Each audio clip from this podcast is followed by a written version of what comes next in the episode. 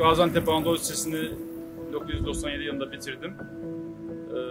Ee, 2001 yılında da İstanbul Üniversitesi İşletme Fakültesinden mezun oldum. Ee, Şu an Almanya'dayım. Evliyim. 5 çocuk babasıyım. En son e, Türkiye'de Mustafa Kemal Üniversitesi'nde öğretim görevlisi olarak görev yapıyordum.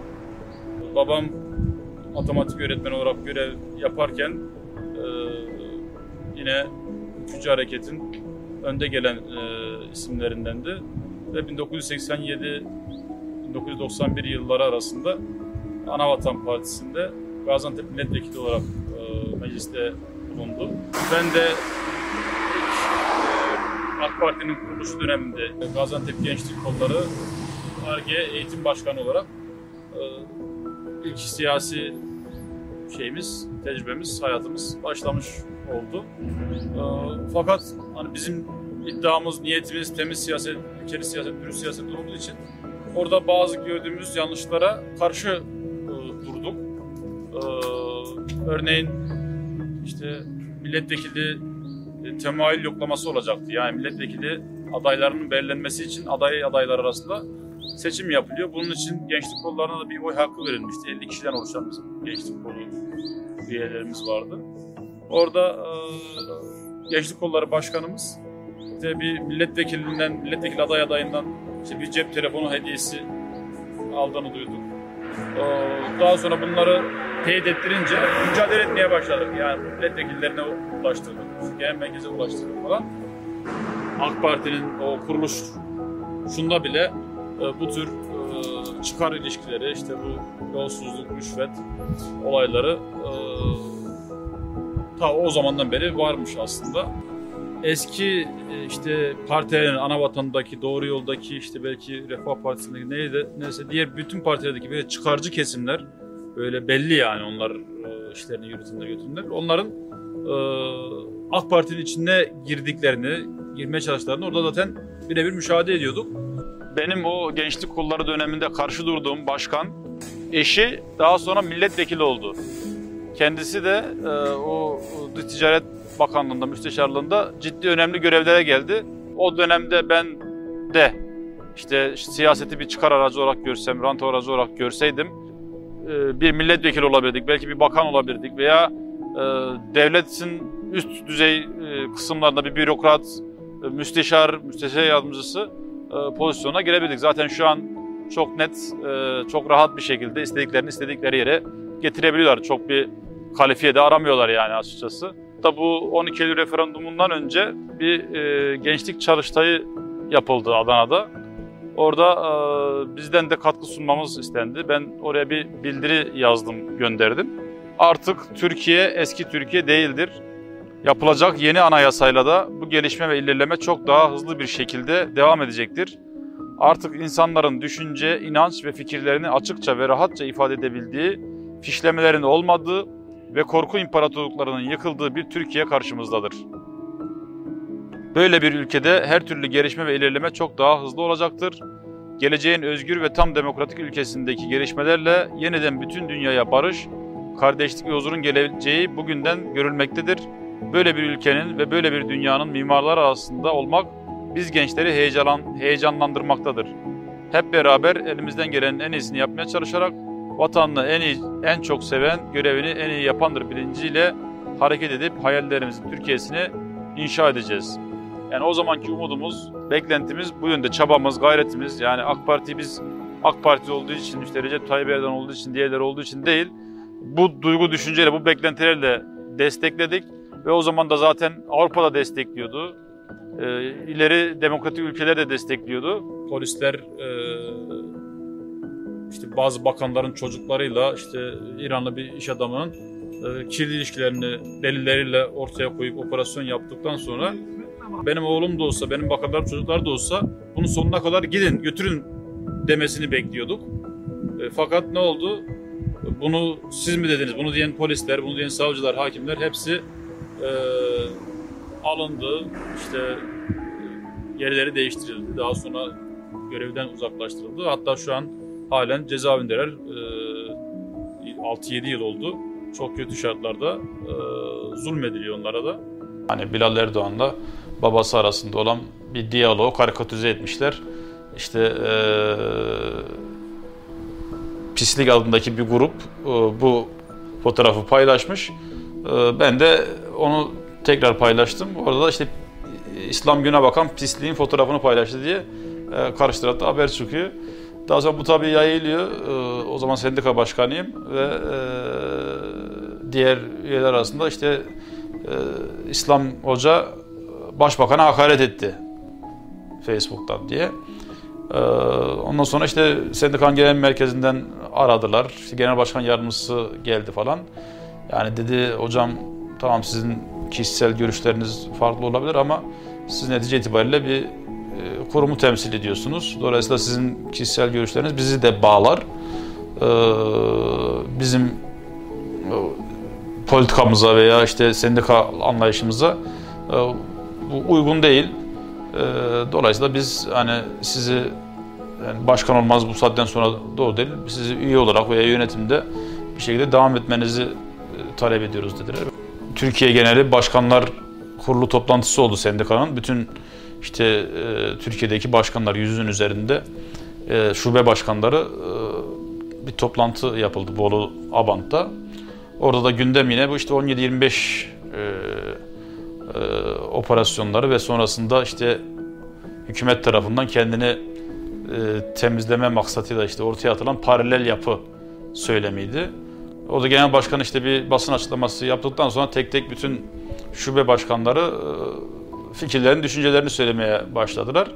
E, ben de söz hakkı istedim orada. Benden önceki başkanlara işte bu paralel yapı e, şöyle böyle işte benim temsilcim vardı onları attım çıkarttım bunları yaşatmamız lazım işte bunları içimize barındırmamamız lazım falan diye konuşmalar yaptılar yani. En son ben de söz hakkı aldım. Dedim yani bir defa dedim en başta paralel yapının tanımını iyi koymamız lazım. Yani paralel yapı nedir, ne demektir? Yani şimdi dedim bir savcı, bir hakim, bir emniyet amiri, bir bürokrat herhangi bir e, tarikata, cemaate, bir dine e, ve bir mezhebe mensupsa e, yani bu başka bir yapıya mı bağlı olmuş oluyor yani? Bir savcı Alevi de olabilir, ateist de olabilir, e, tarikatçı da olabilir. Olabilir. Önemli olan o değil yani kıstas o değil. E, kıstas nedir?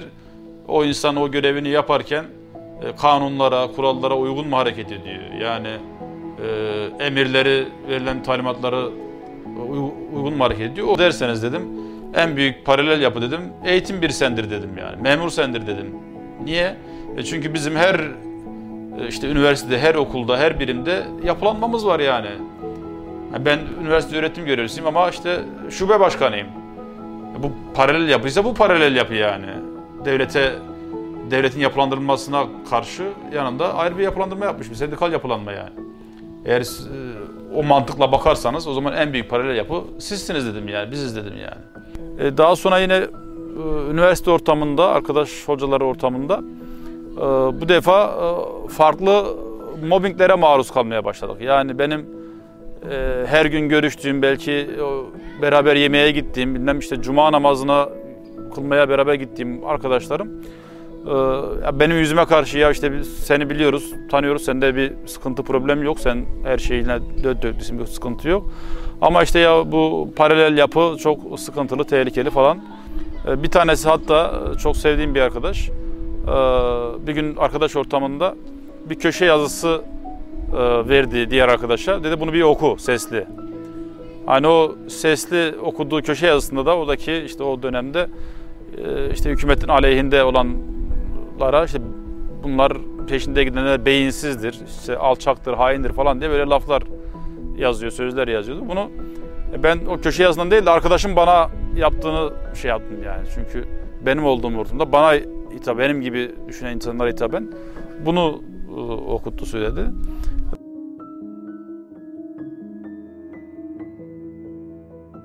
Daha sonra bir arkadaş dedi ya e, san, bana seni sordular. Ya İslam Hoca nasıl biri? E, yani ben de dedim ya iyi biri, çok böyle özünde e, şey biri.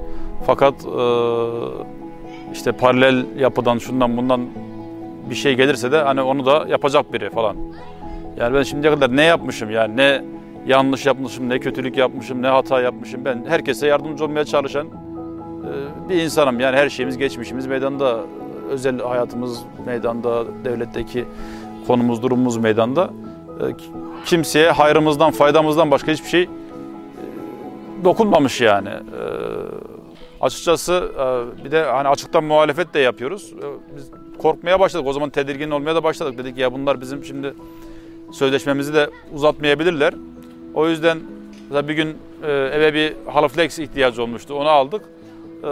Bir işte köşesi uymadı. Bunu keselim mi kesmeyelim. Hanımla onun istişaresini yaparken dedik ya kesmeyelim. Yarın ne olacağımız belli değil. Belki görevi uzatmayabilirler sözleşmeyi. Evi değiştirmek zorunda kalırız. Kalsın diye bıraktık yani. O baskıları o zamandan hissetmeye başlamıştık. Daha 15 Temmuz yok, darbe girişimi yok, bir şey yok. Halk tarafında yani hoca kesimi dediğimiz işte doçentle oturuyorsun, profesörle oturuyorsun, şeyle konuşuyorsun. Onlar bile ya diyor ki işte hırsızlık yaptıysa diyor helal olsun diyor. Benim hakkım diyor helal olsun diyor. Ama da işte hizmet de yaptılar, şunu da yaptılar, bunu da yaptılar. Yani belli bir noktadan sonra hani insanlara anlatmaktan da vazgeçtik yani. Çünkü anlatıyorsun, anlatıyorsun olmuyor. Bir gün yani kayınpederle e, sabaha kadar e, konuştuk yani abartısız yani sabah güneş doğana kadar e, konuştuk meseleleri anlatmaya çalıştım. E, biraz yumuşadı falan ondan sonra akşam oldu. Gene başladı saymaya sövmeye yani teröristsiniz, şusunuz, vatan hainisinіз falan diye.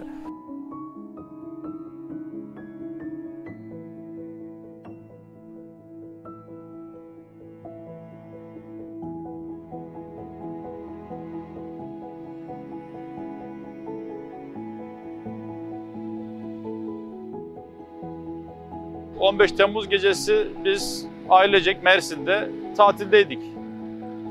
Yani e, çoluk çocuk ve 3-5 aile tatildeydik. Televizyonda hatta televizyondan önce e, bizim hocalarla aramızda WhatsApp grubu vardı.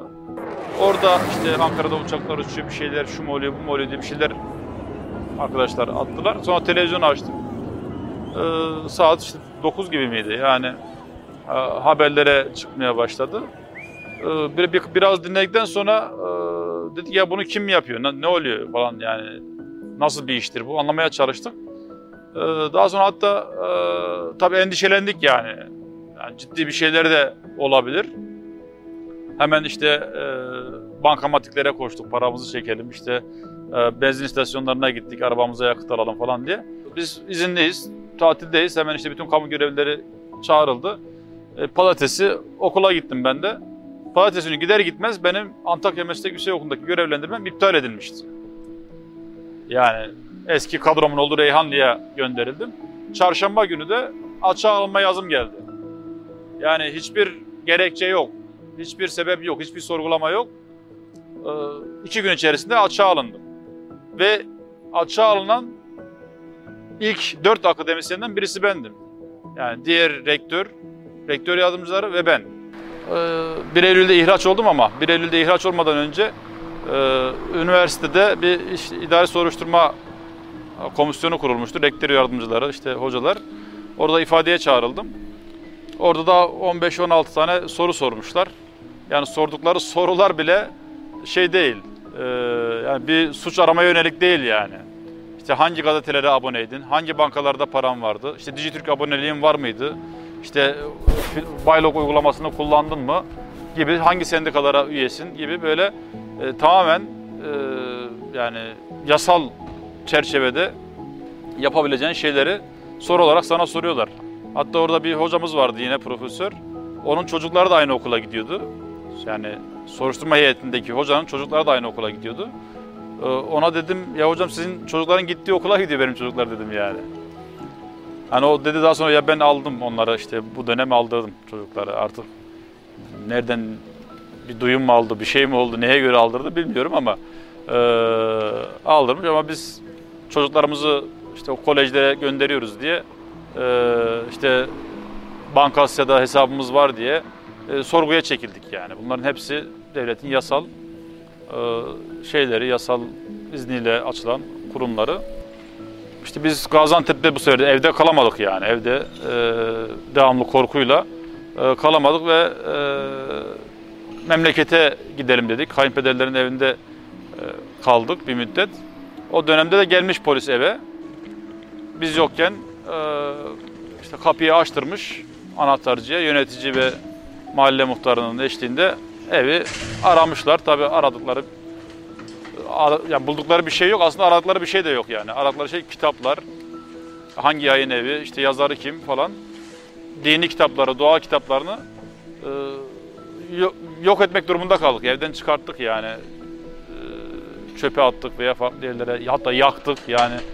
E, biz bunları daha önce büyüklerimizden dinlerken işte yok Kur'an-ı Kerimleri toprağa gömerlermiş, yok şuymuş, yok buymuş. Bunlara inanmazdık veya bize çok tuhaf gelirdi yani. Ya nasıl olur öyle şey yani? Dini kitap, Kur'an-ı Kerim veya bir kitap yani gömülür mü, yakılır mı? Aynısını biz işte milenyum çağında dediğimiz yani daha da milenyumu da geçmiş 2020'de 2016'da yaşadık yani. Ee, Gaziantep'teyken polis aradı. Dedi hocam işte biz e, sizi ifadeye davet ediyoruz. Yarın saat 9'da gelebilir misiniz? E ben de dedim ya benim bebeğim dünyaya geldi. Ben başka şehirdeyim, Gaziantep'teyim.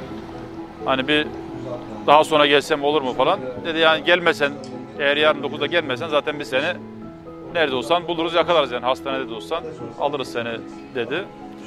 Neyse ben kapattım telefonu ondan sonra sağa sola aramaya başladım yani babama soruyorum, abime soruyorum işte arkadaşlara soruyorum yani ne yapayım ifadeye gideyim mi gitmeyeyim mi? Çünkü ciddi bir hukuksuzluk ortamı var, korku ortamı var. Yani işte en yakınlarımın verdiği cevap e, suçun yoksa git. Yani şimdi bir öğretim görevlisinin, bir akademisyenin ne suçu olabilir? Yani bizim darbeyle veya bu işlerle ne ilgimiz alakamız olabilir?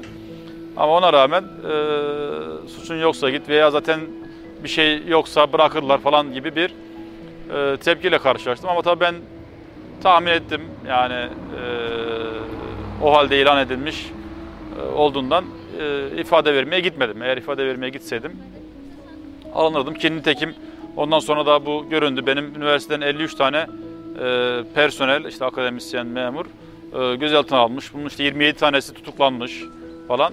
E, 3 tane firar gör- görünüyordu. Bunlardan birisi bendim. Daha sonra süre ilerledikçe o firar sayısı 1'e düştü. Yani bir- sene boyunca ben e, kendimi saklamak zorunda kaldım. Yani rahat değilsin. Yine işte haberler devam ediyor, olaylar devam ediyor. Ee, işte her kapı zili çalışında veya bir her siren sesi duyuşumuzda e, tedirgin oluyorduk. Evde rahat uyuyamıyorduk. Hani adresimiz farklı olmasına rağmen, e, resmi adresimizde oturmamamıza rağmen. Ee, en yakınlarımızdan anne babalarımız dahi dahil çok ciddi tepkiler aldık. Hakaretler işittik. Ee, arkadaş çevrelerimiz e, bizimle mesafe koymaya başladı aralarına, aramaya, işte halimizi hatırımızı sormaya dahi çekindiler. Yani bu süreçte ben e, çok dışarıdan muhatap yerine kendi çevrem, kendi ailemle e, muhataptım. Yani benim kendi ailemden de çok ciddi tepkiler almıştım Ee, ama e, aile bağımızın kuvvetli olması bizi ayrı düşürmedi yani. Anne babamın muhabbeti, çocuk, evlat, baba, anne ilişkisi çok yüksek olduğu için e, çok şey yapmadılar. E, yine de e, yanımızda oldular yani manevi olarak. Ama fikirlerimizi, şeylerimizi hiçbir şekilde benimsemediler. O konuda hep bizi suçlu gösterdiler. Suçlusunuz dediler. İşte öyle bir bombardıman vardı ki medya aracılığıyla, televizyonlar aracılığıyla, gazete aracılığıyla halk e, galayana getirilmeye çalışılıyordu. İşte demokrasi mitikleri düzenleniyordu o zamanlar. Her gece, her gün e, insanlar meydanlara çağrılıyordu. E, hatta e, bir gün dedim yani annemin yanına gideyim. Birkaç günde orada kalayım falan diye iki kızımı aldım gittim. E, annem dahi yani 40 senelik evladı e, işte yanımda o kanalları açıyor. Oradaki işte hakaretleri, şunları bunları yanımda dinliyor. Ondan sonra eline bayrağı alıyor. Demokrasi mitingine gidiyor. Ee, hatta bir gün şunu söyledi kayınpeder. Yani bir yarın bir iç karışıklık olsa e, meydana çıkarım. E, ilk başta e, kızımı ve damadımı vururum. Yani e, böyle bir anlayışta zihniydi. Zaten her fırsatta işte hakaretler yağdırırdı. Daha fazla dayanamadık. Dedik ki artık biz bir ev kiralayalım, ev tutalım, eve çıkalım. Ee, eve çıktık. Ev çıkarken de eşimin e, şöyle bir yaklaşımı oldu. Yani biz iyi bir ev tutalım. Hani e, hatta daha yeni bitmiş bir binada e, bir daire kiraladık. E, daha sonra böyle biz hani ihraç olduk diye e, bize üzülüyor görünen hani yakınlarımız böyle ziyarete geldiğinde evi geldiğinde çok şaşırdılar. Evi gördüklerinde çok şaşırdılar. Aa siz burada mı oturuyorsunuz? Biz de sizi işte şu binanın önündeki kulübede oturuyorsunuz zannediyorduk veya kapıcı dairesinde oturuyordunuz zannediyorduk diye. Böyle o, artık hasetlik diyelim, kıskançlık diyelim bunlar e, dışa vurmuş oldular. 1 Eylül'de ihraç e, olduğumda e, yurt dışına çıkmayı kafaya koymuştum. Fakat o dönemde benim doktora tezim bitme aşamasındaydı. Tezi yazılmıştı, her şey bitmişti. Sadece işte bir jüriye gidip onaylanması kalıyordu. Onun için e, onun bitirelim, hani diplomamı alayım, doktor ünvanıyla yurt dışına çıkayım düşüncesiyle biraz beklettik. Hatta ben o dönemde işte Almanya'ya, farklı ülkelere göç idaresine mail atmıştım yani. Ben Türkiye'de bu bu durumdayım. İşte birçok meslektaşım tutuklandı. Ben e, çıkmak istiyorum. Bana yardımcı olur musunuz diye e, mailler atmıştım. O dönemde. E, fakat işte doktora iyi bitirip öyle çıkalım düşüncesiyle e, kaldı. Ama bu tabii o da ayrı bir süreç. Çünkü e, ben açığa alındıktan sonra e, geldim doktora danışmanımın yanına. Dedim hocam işte bu malum şeylerden dolayı açığa alındım. Yani geri ben döneceğime inanıyorum yani mesleğime. Bende bir sıkıntı yok çünkü. Ee, bu arada bari tezin kalan kısımlarını tamamlayalım falan diye hocadan rica etmeye gittim. Hocamız bunu duyunca, açığa alındığımı duyunca dedi ben senin danışmanlığını daha fazla yapamam. Ve danışmanlığımı bıraktı. Yani tez bitmiş olmasına rağmen bıraktı. Ee, bir dönem öyle kaybım oldu. O arada işte başka hoca bul falan dedik zaman geçti. Yani başka bir hoca sağ olsun yardımcı oldu, kabul etti, danışmanlığı aldı. Bu sefer de e, her şey bitti. E, tez jürisine çıktım. E, tezimi savunacağım. O arada işte e, daha önce ne iş yaptığımı falan sordular. Özgeçmişimde falan da ben belirtmiştim yani öğretim görevlisi olduğumu. E, onu söyleyince e, ama artık hani e, yapmadığımı, işte açıkta olduğumu veya işte ihraç olduğumu ifade edince bu sefer jüri hiç tezi dinlemeden biz jüridikten çekiliyoruz dedi yani. Jürideki hocalar benim ihraç olduğumu öğrenince doktora jüriliğinden çekildi, çekilme kararı aldı. E tabii ben bunu yine peşini bırakmadım. Gittim bölüm başkanlığına dilekçe yazdım. Ee, karşısına çıktım. Dedim ya bana yeni jüri atayın yani. Bak bu jüri çekildi. Ee, dedi kimse senin jürin olmak istemiyor.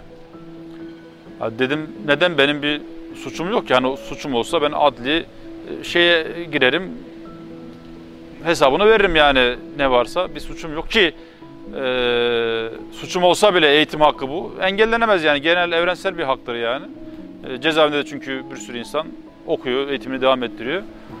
E, o zaman dedim beni öğrencilikten atın. Dedi zaten atınman lazım öğrencilikten. Dedim vatandaşlıktan da çıkartın bari. Dedi bana kalsa çıkartırım hiçbirini işte bu ülkenin vatandaşında bulundurmam. Yani bize orada profesör, bölüm başkanı koskoca işte siz teröristsiniz, vatan hainisiniz. Sizin vatandaştan da çıkartmanız, çıkmanız lazım. Ee, size işte su da yok. Yani ağaç kökü kemirin tarzında oradaki yukarıdaki yansımayı bizzat uyguluyor yani aşağıda. Hani gitsinler ayakkabı boyasınlar abi. Kimisi ayakkabı boyasın, kimisi yük taşısın, kimisi hamallık etsin abi. Yani ne yiyeceklerse yesinler kardeşim. Gitsinler ağaç kökü yesinler ya. Tabi bu arada polis ifadeye çağırdı. Gitmedim. Gitmeyince dedi seni yani nerede olsa buluruz, alırız, getiririz. Ee, yakalamamız yani aramamız, yakalamamız var. Çıktı. İşte bir ara bu danışmanlık işini yapayım dedim. Ben normalde işte girişimcilik eğitimleri veriyordum. İş planı danışmanlığı yapıyordum. Onu devam ettireyim dedim. Biraz onunla uğraştım. Baktım hani uzun vadeli bir şey. Ee, işte köyden salça getirip satıyorduk daha önce. Onu tekrar yapayım. Onda tek yalnız kaldım. O da bir şey olmadı. En son işte bir taksi işine ya taksicilik, taksi şoförlüğü yapalım dedik.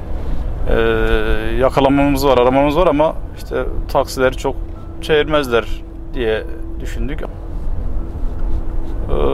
şimdi bir gün takside havalana yolcu bıraktım. Ee, dönüşte çevirme varmış. Hemen işte öndeki arabaları çevirdiler, beni de çevirdiler. Ben tabii heyecanlandım yani şimdi normalde polis taksicileri çevirmez diye biliyorum tahmin ediyorum. Çevirdi yolcu da yoktu yanımda zaten. E, İşte ehliyet ruhsat dedi. Dedim ya ehliyet diğer arabada kalmış yani. Unutmuşum orada. E, kimlik dedi. Çıkarttım cüzdandan kimliği verdim. Orada işte sorguladı. Ondan sonra e, ehliyet bulundurmama cezası yazdı 150 TL. Ona da gittik ödedik. O şekilde ucuz kurtardık yani. Ciddi bir e, şok atlatmış olduk. Bir tehlikeyi atlatmış olduk o vesileyle. İşte ben e, bir müddet o kayınbiraderle ortak yani onun çalışma saatlerinde çalıştım. Ondan sonra e, duraktan bir taksi e, yani bir durak kiracı olarak yani bir taksi satın aldım. E, ve taks kiracı aylık bir kira ödeyerek çalıştım. O da yaklaşık e, normalde bir yıllık anlaşma yapmıştık ama artık işler dayanılmaz boyuta gelince işler dayanılmaz boyuta gelince o anlaşmanın süresini bitmesini beklemeden 7 ay kadar bir taksicilik yaptıktan sonra bıraktık.